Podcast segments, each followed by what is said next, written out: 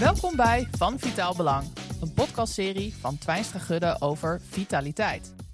We staan in deze podcastserie stil bij waarom vitaliteit van vitaal belang is. In het leven en dus ook op de werkvloer. Juist in deze tijd van burn-outs, stress en constant bereikbaar zijn.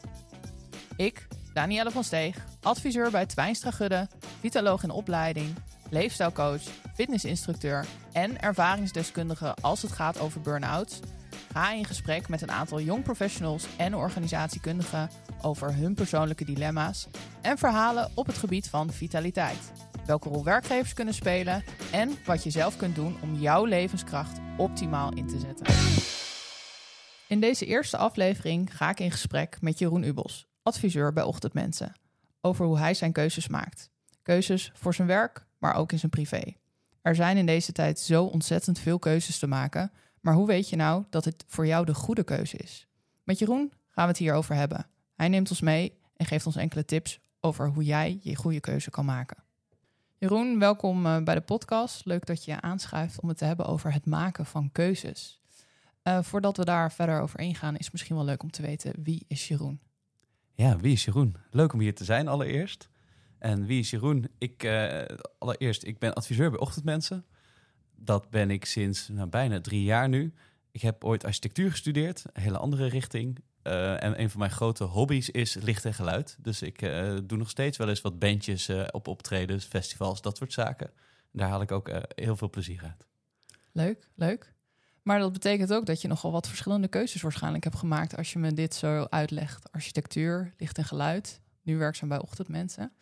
En dat was natuurlijk ook het thema van, van deze podcast. Dat klopt. Um, het maken van keuzes. Hoe weet je eigenlijk dat je de goede keuze maakt?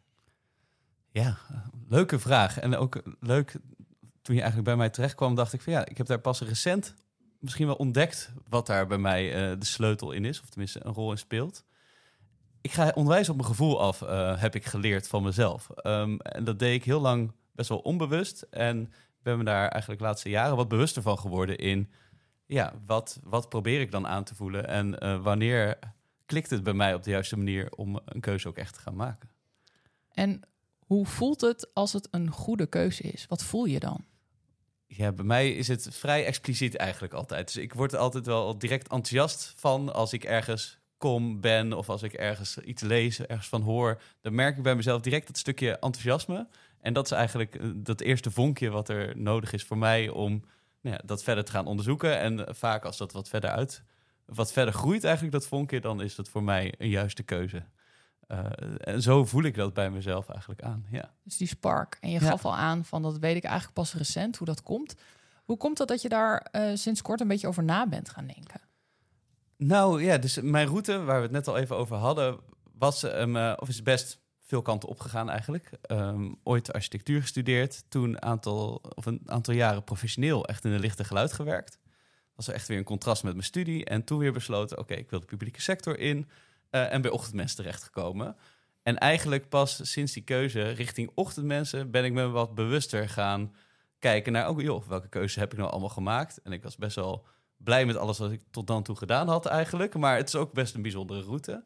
En toen ben ik nou, daar meer over na gaan denken van, oh ja, ik kan het wel goed plaatsen allemaal. Maar waar zit dan voor mij in dat ik die keuzes op die manier maak? En dat ik me ook heel comfortabel voel bij dat pad eigenlijk.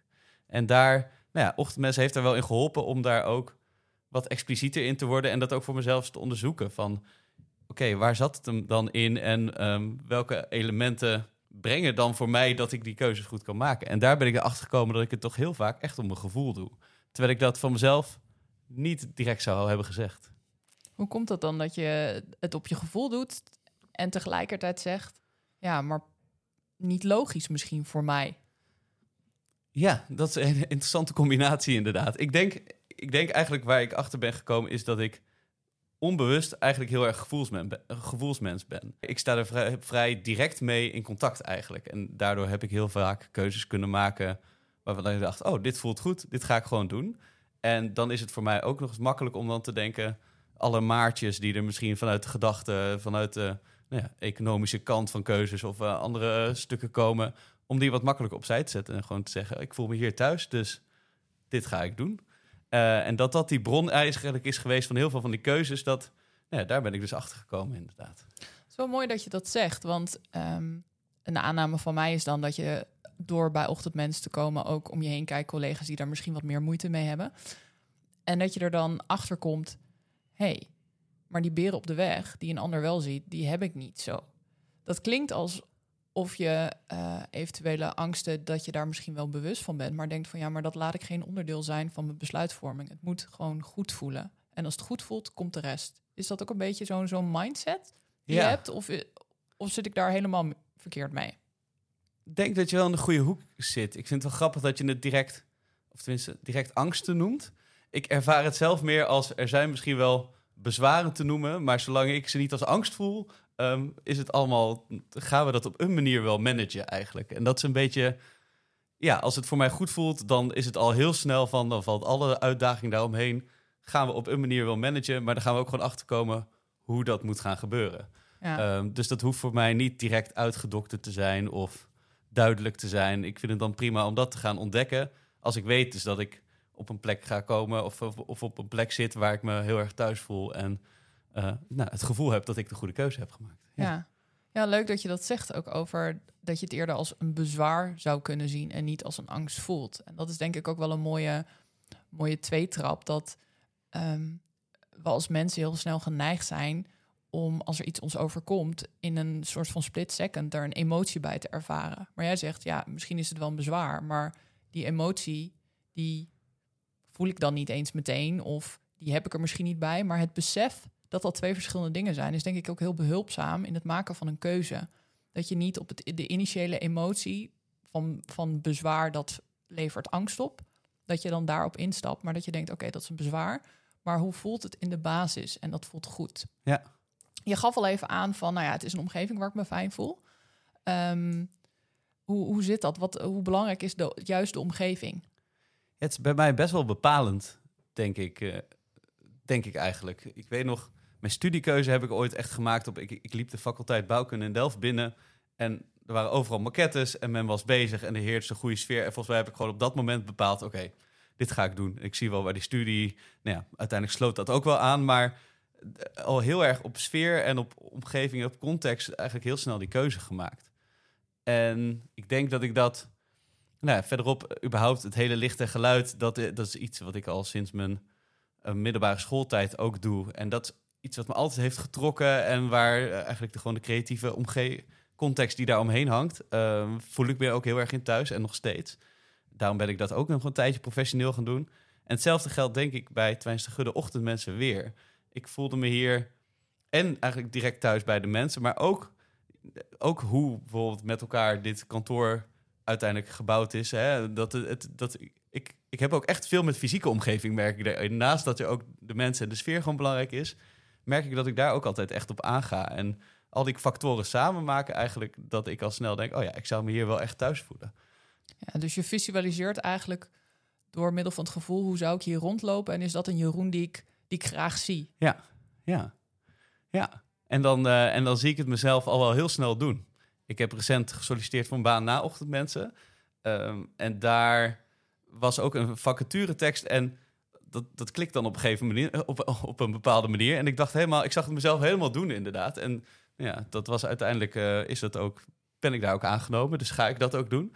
Maar dat is grappig hoe dat werkt. Ik zie het mezelf dan, denk van, oh ja, ik pas helemaal in dit plaatje en dit en dit en dit. En dan nou ja, dan wordt het realiteit. Ja, dan wordt het realiteit, ja. ja. dat, is wel, dat is wel mooi hoe dat werkt. Want juist als je ergens een sterk beeld bij hebt, wat het zou kunnen zijn, en je het zelf ziet doen, dan is er een soort van wederkerigheid daarin. Uh, waarschijnlijk ga je het dan ook doen, omdat het bij je past, je voelt het. Maar het lijkt ook alsof je een soort van, van focus, tenminste zo, zo voelt het voor mij als ik met die dingen aan de slag ben, dat ik een soort van focus die kant op heb en denk van, ja, dat gaat wel gebeuren. En dat is mooi, want uh, als je zelf iets ziet doen, ik denk dat dat ook wel een belangrijke is als je het dan hebt over, over tips. Voelt het goed? Zie het jezelf doen? Dan weet je ook wel van hé, hey, ik ben hier op de goede weg. Ja, ja, zeker. En wat daar ook wel, want nou, het is wel grappig dat je het zegt. Het werkt ook wel de andere kant op. Dus ik was bezig überhaupt met nieuwe banen zoeken. Um, en dan lees je van alles, uh, kom je van alles tegen. En er zijn genoeg banen waar ik mezelf ook wel in kon visualiseren, maar waarbij ik dan altijd dacht, ja, maar het, dat is het niet helemaal, inderdaad. En dan is het nou, ik vond het ook lang niet altijd makkelijk om dan de vinger erop te leggen van, oh ja, wat is het dan niet? Maar gewoon het feit dat dat het beeld wat je er dan van hebt en wat je ervan nou, bij jezelf ook kunt van, van kunt maken, dat dat niet resoneert op de juiste manier, daar ben ik best wel op afgegaan. En dat bedacht, oh ja, maar dan, nou, dan is het blijkbaar toch niet de hoek waar ik moet zoeken. En ben ik weer verder gaan zoeken, inderdaad. En mooi dat je dat doet. Voor mijzelf is dat natuurlijk een iets, uh, nou ja, natuurlijk. Het is een iets langere weg geweest. Ja. Uh, hoe jij vertelt over het kiezen van je studie, bij mij ging dat heel anders. Ik liep gewoon een kamer in uh, waar een van de studies werden gepresenteerd. En ik dacht, ja, dit is lekker brede studie. Nou, waarom niet? En uiteindelijk, achteraf gezien, merkte ik, ik, wil gewoon, ik wilde gewoon heel graag weer in Groningen wonen en daar studeren. Ik, had, ik was Oh, ja. geboren, ben er getogen tot mijn dertiende. In Apeldoorn gaan wonen en dat was echt een overgang van je welste. Dus ik wilde vooral terug naar mijn stadje. En met keuze maken is natuurlijk ook zo dat je kan ergens super enthousiast over zijn. Maar door dat enthousiasme kan je soms ook het doel voorbij schieten en over je eigen grens gaan. Heb je daar ervaringen mee? Waar, eh, wat, dat is eh, typische studententijdles wel. Maar goed, ik was en heel enthousiast eigenlijk over mijn studie. En ik had daar best wel een ambitie in voor mezelf ook. Dus en dat was... De grap is, dat kon ik heel makkelijk visualiseren. Maar dat vroeg eigenlijk heel veel echt hard werken aan de architectuur. Ehm, en tegelijkertijd was ik super enthousiast over mijn sociale studentenleven. Mijn studentenvereniging was ik daar ook heel actief. En ik heb daar wel echt... Nou ja, eigenlijk... Nu was daar alle ruimte voor om daar wat mee te smokkelen, wat uit te lopen, et cetera. Maar ik heb daar wel echt combinaties gemaakt dat je denkt, ja, dat is niet helemaal de aandacht. Ik had eigenlijk de aandacht op zoveel plekken liggen dat ik niet helemaal de aandacht op één plek kon, eh, kon brengen. Ehm, waardoor je dan bijvoorbeeld de kwaliteit in mijn architectuur, dat heeft echt nou, heel veel tijd nodig gehad voordat ik eindelijk op een niveautje kwam dat ik dacht, oh ja, maar zo vind ik het zelf ook echt weer leuk. En dat frustreerde me wel een beetje in in het begin zeker, want ik wist eigenlijk wel hoe ik er moest komen, maar ik kreeg het niet helemaal georganiseerd voor mezelf om ook daadwerkelijk dat af te leveren. En dat is voor mij toen al zoektocht geweest van, oh ja, nou ja, hoe maak je daar dan ruimte voor? En ehm, misschien moet je daar ook gewoon iets weer op terugschakelen op die ambitie. En is het ook gewoon iets minder is ook wel eens goed. Ja, Ja, dus eh, de, de perfectie en zoveel mogelijk willen en alle mogelijkheden zo goed mogelijk benutten. Ja. Eigenlijk zeg je, ja, dat is een recept om wel over je grens uiteindelijk te gaan. ja. Dus durf ook die keuzes te maken. Wat brengt me nu voor mij en voor wat ik leuk vind het meeste? Ja. Ja, het is altijd spannend keuzes maken. zeker ja. En soms heb ik het gevoel dat het ehm, dat je een keus haast helemaal moet hebben uitgedacht en dat er een soort van beste optie is. Maar ik denk dat er nooit een beste optie is in keuzes. Er zijn gewoon voor's en tegens. En hoe laat je dan de doorslag geven? En dat is wel leuk. Is een boek van eh Ab Dijksterhuis. Het ehm, onbewuste, slimme onbewuste. En in dat boek gaat het ook over het belang van wat wij met ons onderbewustzijn eigenlijk doen. Hoe belangrijk dat is om je keuzes te maken. En hoe erg we het overschatten dat we ehm, heel rationeel vaak de keuze maken door de lijstjes. Vaak hebben we de keuze al lang gemaakt, maar gaan we het eh soort van voor onszelf goed praten door die lijstjes te maken. Een soort herconstrueren van alle argumenten die er mogelijk zouden kunnen zijn. Ja, Ja, ja en dan, dan komt weer jouw verhaal eigenlijk naar voren. Ja, het moet goed voelen. Ik moet me er eh, in zien. En tuurlijk zijn er ook andere opties, maar dit voelt goed. En als het over een tijd niet meer goed voelt, dan ga ik dat merken. Want dan zie ik mezelf daar niet weer in verder gaan. Ja. Maar dan komt er denk ik een, een, een leuke vraag. Ehm, want eh, het is natuurlijk eh, de podcast van Vitaal Belang. En het is van Vitaal Belang om te weten hoe je keuzes kan maken die passen bij jou. ehm, voor je vitaliteit. Maar wat is dan vitaliteit voor jou? Toen jij mij hiervoor benaderde, hadden we het er ook even over. En toen zei ik ook, ja, ik ben er eigenlijk heel, ben er niet zo bewust mee bezig geweest eigenlijk ehm, eh, tot nu toe of tot de afgelopen tijd. Wat is vitaliteit voor mij? Ik, ik krijg heel veel, naast dat ik eigenlijk me vaak thuis voel in bepaalde omgevingen, krijg ik ook heel veel energie van echt in een goede omgeving zitten. En dat is, voor mij is vitaliteit ook die energie kunnen blijven brengen, zeg maar. En die energie kunnen blijven voelen in die omgevingen. En daar Ehm, nou ja, daar heb ik wel, eh, daar, zijn, wat heb ik daarvoor nodig? Ik heb daarvoor af en toe wel nodig dat ik dus even die rust heb en de reflectie.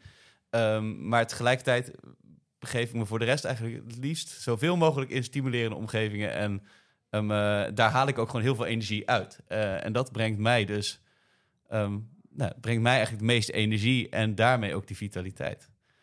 Dus veel in verbinding staan met anderen. Ja, mooi. Ja, want vitaliteit is natuurlijk zo'n breed begrip. Dat is voor iedereen compleet anders. En dat zal ook veranderen uh, over twee jaar, over vijf jaar, over tien jaar, wat dan maar net voor jou belangrijk is. Maar je geeft dus aan, eigenlijk meerdere keren ook in het gesprek, dat voor jou de context waar je bevindt en begeeft en de verbinding dus ook die je aan kan gaan, dat dat uh, een bepaalt of je de, die keuze maakt om daar uh, te gaan werken of dat dat vrienden van je worden of dat het een plek misschien wel is waar je gaat sporten, als ik het even breder ja. trek. En tegelijkertijd dat die verbinding daarin zo cruciaal is. En dat is wel mooi, want verbinding, dat is natuurlijk iets dat, dat, dat kan je ook niet echt rationaliseren. Wanneer is er nou verbinding? Dat is ook weer een gevoel. Ja. Hoe, vind, hoe, hoe is dat dan in de werkomgeving waar je in zit? Hoeveel werkt verbinding, het gevoel van verbinding, um, het gevoel van hey, dit, dit klopt? Hoe doe je dat dan in je werk? Ja, wel grappig. Het, uh, twee aspecten nu natuurlijk. Ochtendmensen zelf. Um, ja, ochtendmensen zelf is dus gewoon een hele grote groep jonge mensen natuurlijk... waar überhaupt al best wel veel verbinding in gebracht wordt, denk ik. En dat is, nou, daar voel ik me dus ook enorm thuis eigenlijk. Um, Hoe wordt die verbinding gebracht dan? Ja, dat, dus, het wordt op allerlei manieren gefaciliteerd door ochtendmensen. Dus je hebt bijvoorbeeld met mensen met wie ongeveer tegelijk begint, heb je een ochtendploeg. En daarmee doe je ook die drie jaar lang, doe je eigenlijk daarmee ook al die opleiding. Dus dat zijn ook mensen die je nou, door elke fase van die opleiding steeds beter leert kennen. Maar daarnaast, nou, ik vind dat bij ochtendmensen vind ik heel erg leuk. Heb je de interne taken en alle eigenlijk extraatjes die je met z'n allen doet. En dat zijn we allemaal random groepjes die dat met elkaar ondernemen. Um, uh, uit alle nou ja, lagen van ochtendmensen.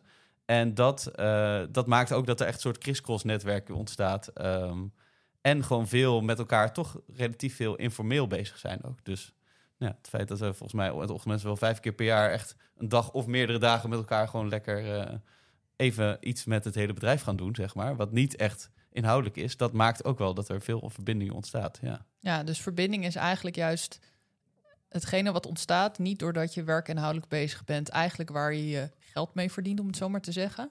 Maar juist die taken die daar omheen zijn. De activiteiten die daar omheen zijn. Ja. En zorgt dat er dan ook voor dat je daardoor de inhoud van je werk uh, beter kan doen of leuker vindt. Ja, nou, dat zorgt wel. Voor mij zorgt het er wel voor dat ik zeg maar de interne taken. Of um, uh, ik ben heel lang betrokken geweest bij werving en selectie bijvoorbeeld.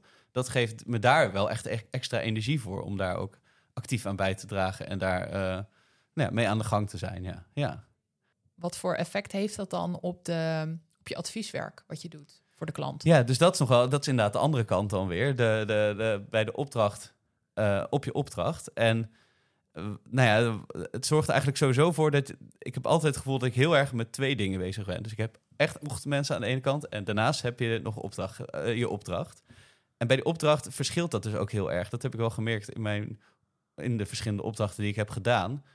Of die verbinding er is, of die klik er is, maar ook of ik voor mij speelt een bepaalde vrijheid in mijn rol, um, uh, zorgt wel echt voor meer werkgeluk. Uh, en daar, dat, daar is in verschillende opdrachten meer of minder ruimte voor geweest. En ook of daar nou ja, een bepaalde sfeer is van... oké, okay, ja, we gaan dit met samen... eigenlijk weer die verbinding speelt ja. daar een hele belangrijke rol. Dus we gaan dus samen deze opgave oppakken. Of Jeroen, doe jij de taakje even? Nou, dat laatste, daar haal ik weinig uit, laten we het zo zeggen. Maar als je die energie van... we gaan samen deze opgave oppakken... ja, daar word ik dan weer heel blij van. En dat is... Nou, en dat is door mijn opdrachten heen ook wel een soort zoektocht geweest... van oh ja, welke rollen vind je dan interessant en waar, waar kom je dan uit? Ja, en dan is het ook weer belangrijk... die keuzes maken zijn dan eigenlijk soms wel lastiger. Want het is ook welke opdrachten komen er voorbij. Ja. En soms weet je het ook niet helemaal van tevoren. Maar dan is het wel heel mooi, denk ik, om te weten van jezelf waar je je energie van krijgt. Dus welke keuze je zelf ook zou maken, waar je misschien wat minder energie van krijgt. En hoe je kan zorgen dat die balans goed blijft. Ja, ja en het is toch altijd heel verrassend. Of dat vind ik dan heel verrassend. We doen bij ochtendmensen die opdrachten komen inderdaad nou, via een kanaal binnen. En dan is er altijd wel een kennismakingsgesprek met adviseur, opdrachtgever. En het is eigenlijk altijd heel tekenend hoe, hoeveel je aan zo'n kennismakingsgesprek al kunt merken aan energie die er ontstaat, wel of niet. En ik heb genoeg kennismakingsgesprekken had waarin bijvoorbeeld de opdrachtgever gewoon nou, bijna anderhalf uur lang vertelt over de hele ingewikkelde opgave die er ligt, maar wel met hele goede energie. En dan denk ik altijd al, oké, prima. Volgens mij kan ik hier lekker bij aansluiten en kunnen we gewoon aan de slag gaan. En nou, dat, dat brengt voor mij dan al juist de energie om ergens lekker te kunnen gaan beginnen. Ja. Ja, dus ben je dan ook weinig verrast geweest dat het ineens heel anders bleek te zijn, doordat je nou ja, dat, dat gevoel en jezelf ergens zien heel erg meeneemt dan op dat moment? Ik denk dat ik weinig verrast ben in de opdracht eigenlijk, ja. ja dat het vanaf het begin vaak wel duidelijk was, oké, dit is ongeveer de setting en zo um, gaan we het doen, ja. Ja, en dat doe je dan door het gevoel weer wat je erbij hebt, uh, vooral aan het woord te laten in jezelf, ja. om zo maar even te zeggen. Ja, ja, en dan ook, ik bedoel, nou, wat ik net ook zei, ik heb genoeg kennismakingsgesprekken gedaan met opdrachtgevers die zelf echt enorm veel aan het woord waren. En dat zou je natuurlijk op, op, op gewoon, als je er heel statisch naar kijkt, zou je dat echt een probleem kunnen vinden. Hè? Van kennen ze mij wel, weet ze wel wat ik kan, weet ik veel wat. Maar ergens zat daar gewoon een goed gevoel bij dat gesprek. En dus kunnen we het gewoon gaan doen. En ik heb daar tot nu toe eigenlijk nog geen problemen mee gehad, laten we dat zo zeggen. Ja. Dat is wel mooi, want dan heb je, pak ik even terug naar de overtuigingen waar we het eerder over hadden, van hoe het dan hoort. Ehm, ja, want de kennismakingsgesprek is natuurlijk het idee dat je wederzijds elkaar leert kennen, wat over elkaars verwachtingen uh, weet. Um, en eigenlijk wat je schetst is een gesprek waar er niet echt sprake was van kennismaking, uh, maar je gevoel zei, nee, dit zit wel goed. Dus dan kan je denken, ja, maar dat kan niet goed zitten, want we hebben niet echt een goed kennismakingsgesprek gehad. Maar jij laat je gevoel dan toch zeggen van, hé, hey, dit voelt goed, dit is een goede keuze. Ja, ja. deze samenwerking uh, zie ik wel zitten. Ja. ja, en als we dan even teruggaan naar de verschillende tips die ongeveer voorbij zijn gekomen als je het hebt over keuzes maken. Nou ja, ik denk dat eentje die, uh, die heel duidelijk geeft, luister gewoon naar je gevoel of leer naar je gevoel te luisteren. Dat onderbuikgevoel. Ik denk dat het wel een van de moeilijkste dingen is om te doen omdat je hoofd natuurlijk zo vaak dingen probeert goed te praten of um, een mening daarover heeft of een overtuiging die in de weg kan zitten. Maar het is zo leuk om te zien dat uh, jij aangeeft dat je ineens bent gaan nadenken. Ja, maar hoe komt dat dat ik eigenlijk toch steeds fijne keuzes voor mezelf heb gemaakt, terwijl als ik om me heen kijk dat lang niet altijd zo is. En dat het toch dat onderbuikgevoel, luisteren naar je intuïtie. Het is zo'n cliché, maar het is dus niet voor niets een cliché. Leuk om te horen dat het bij jou dus zo enorm helpt ik vond het wel grappig, die visualisatie, die heb ik me nooit zo, zo expliciet bedacht eigenlijk. Maar we hadden het er net een paar keer wel over. Ik denk, dat is echt iets wat ik wel heel actief doe. En dat is ook dat is wel iets wat, nou, dat kan ik ook heel makkelijk. Maar dat helpt me wel om even dat stapje naar de toekomst te zetten en daar ook gevoel bij te hebben, inderdaad. Ja, en eh, ook het stukje wat je aangaf natuurlijk. Ehm, eh, eigenlijk natuurlijk ook gewoon een, een open deur. Maar ja, wel van wezenlijk belang en wat corona voor jou heel duidelijk heeft gemaakt, neem ook echt even je tijd en doe soms even een stapje, stapje terug. Dus opnemen van je vakantiedagen is ook wel degelijk van belang om even afstand te kunnen nemen. Ja. Um, en wat ik denk ik ook wel een hele, hele mooie vind, is dat je. Uh, we zijn heel snel geneigd om ergens een emotie aan te koppelen. En voor iedereen zal een emotie ergens anders bij zijn, want dat is natuurlijk, iedereen is verschillend. Maar dat jij ook zei van nee, ik zie iets niet meteen als oeh, eng, angstig, spannend. Maar meer van nou ja, dat kan een belemmering zijn, constatering.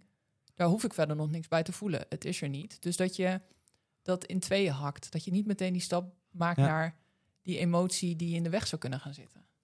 Ja, ja, nee, en dan overheerst bij mij vaak nog steeds de enthousiasme, de enthousiaste emotie, inderdaad. Ja. ja. Ja. ja.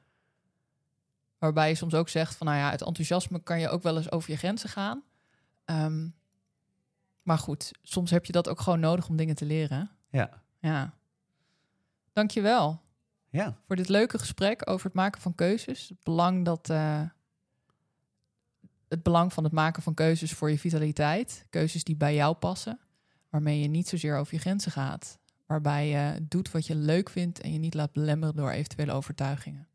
Bedankt voor het luisteren naar deze eerste podcast van Vitaal Belang. Volgende keer ga ik in gesprek met Catharine van Nierop, coach, trainer en adviseur bij Twijnstra Gudde. Met haar ga ik het hebben over mentaal opruimen. Wat is dat? Hoe doe je dat? En wat heb jij hieraan?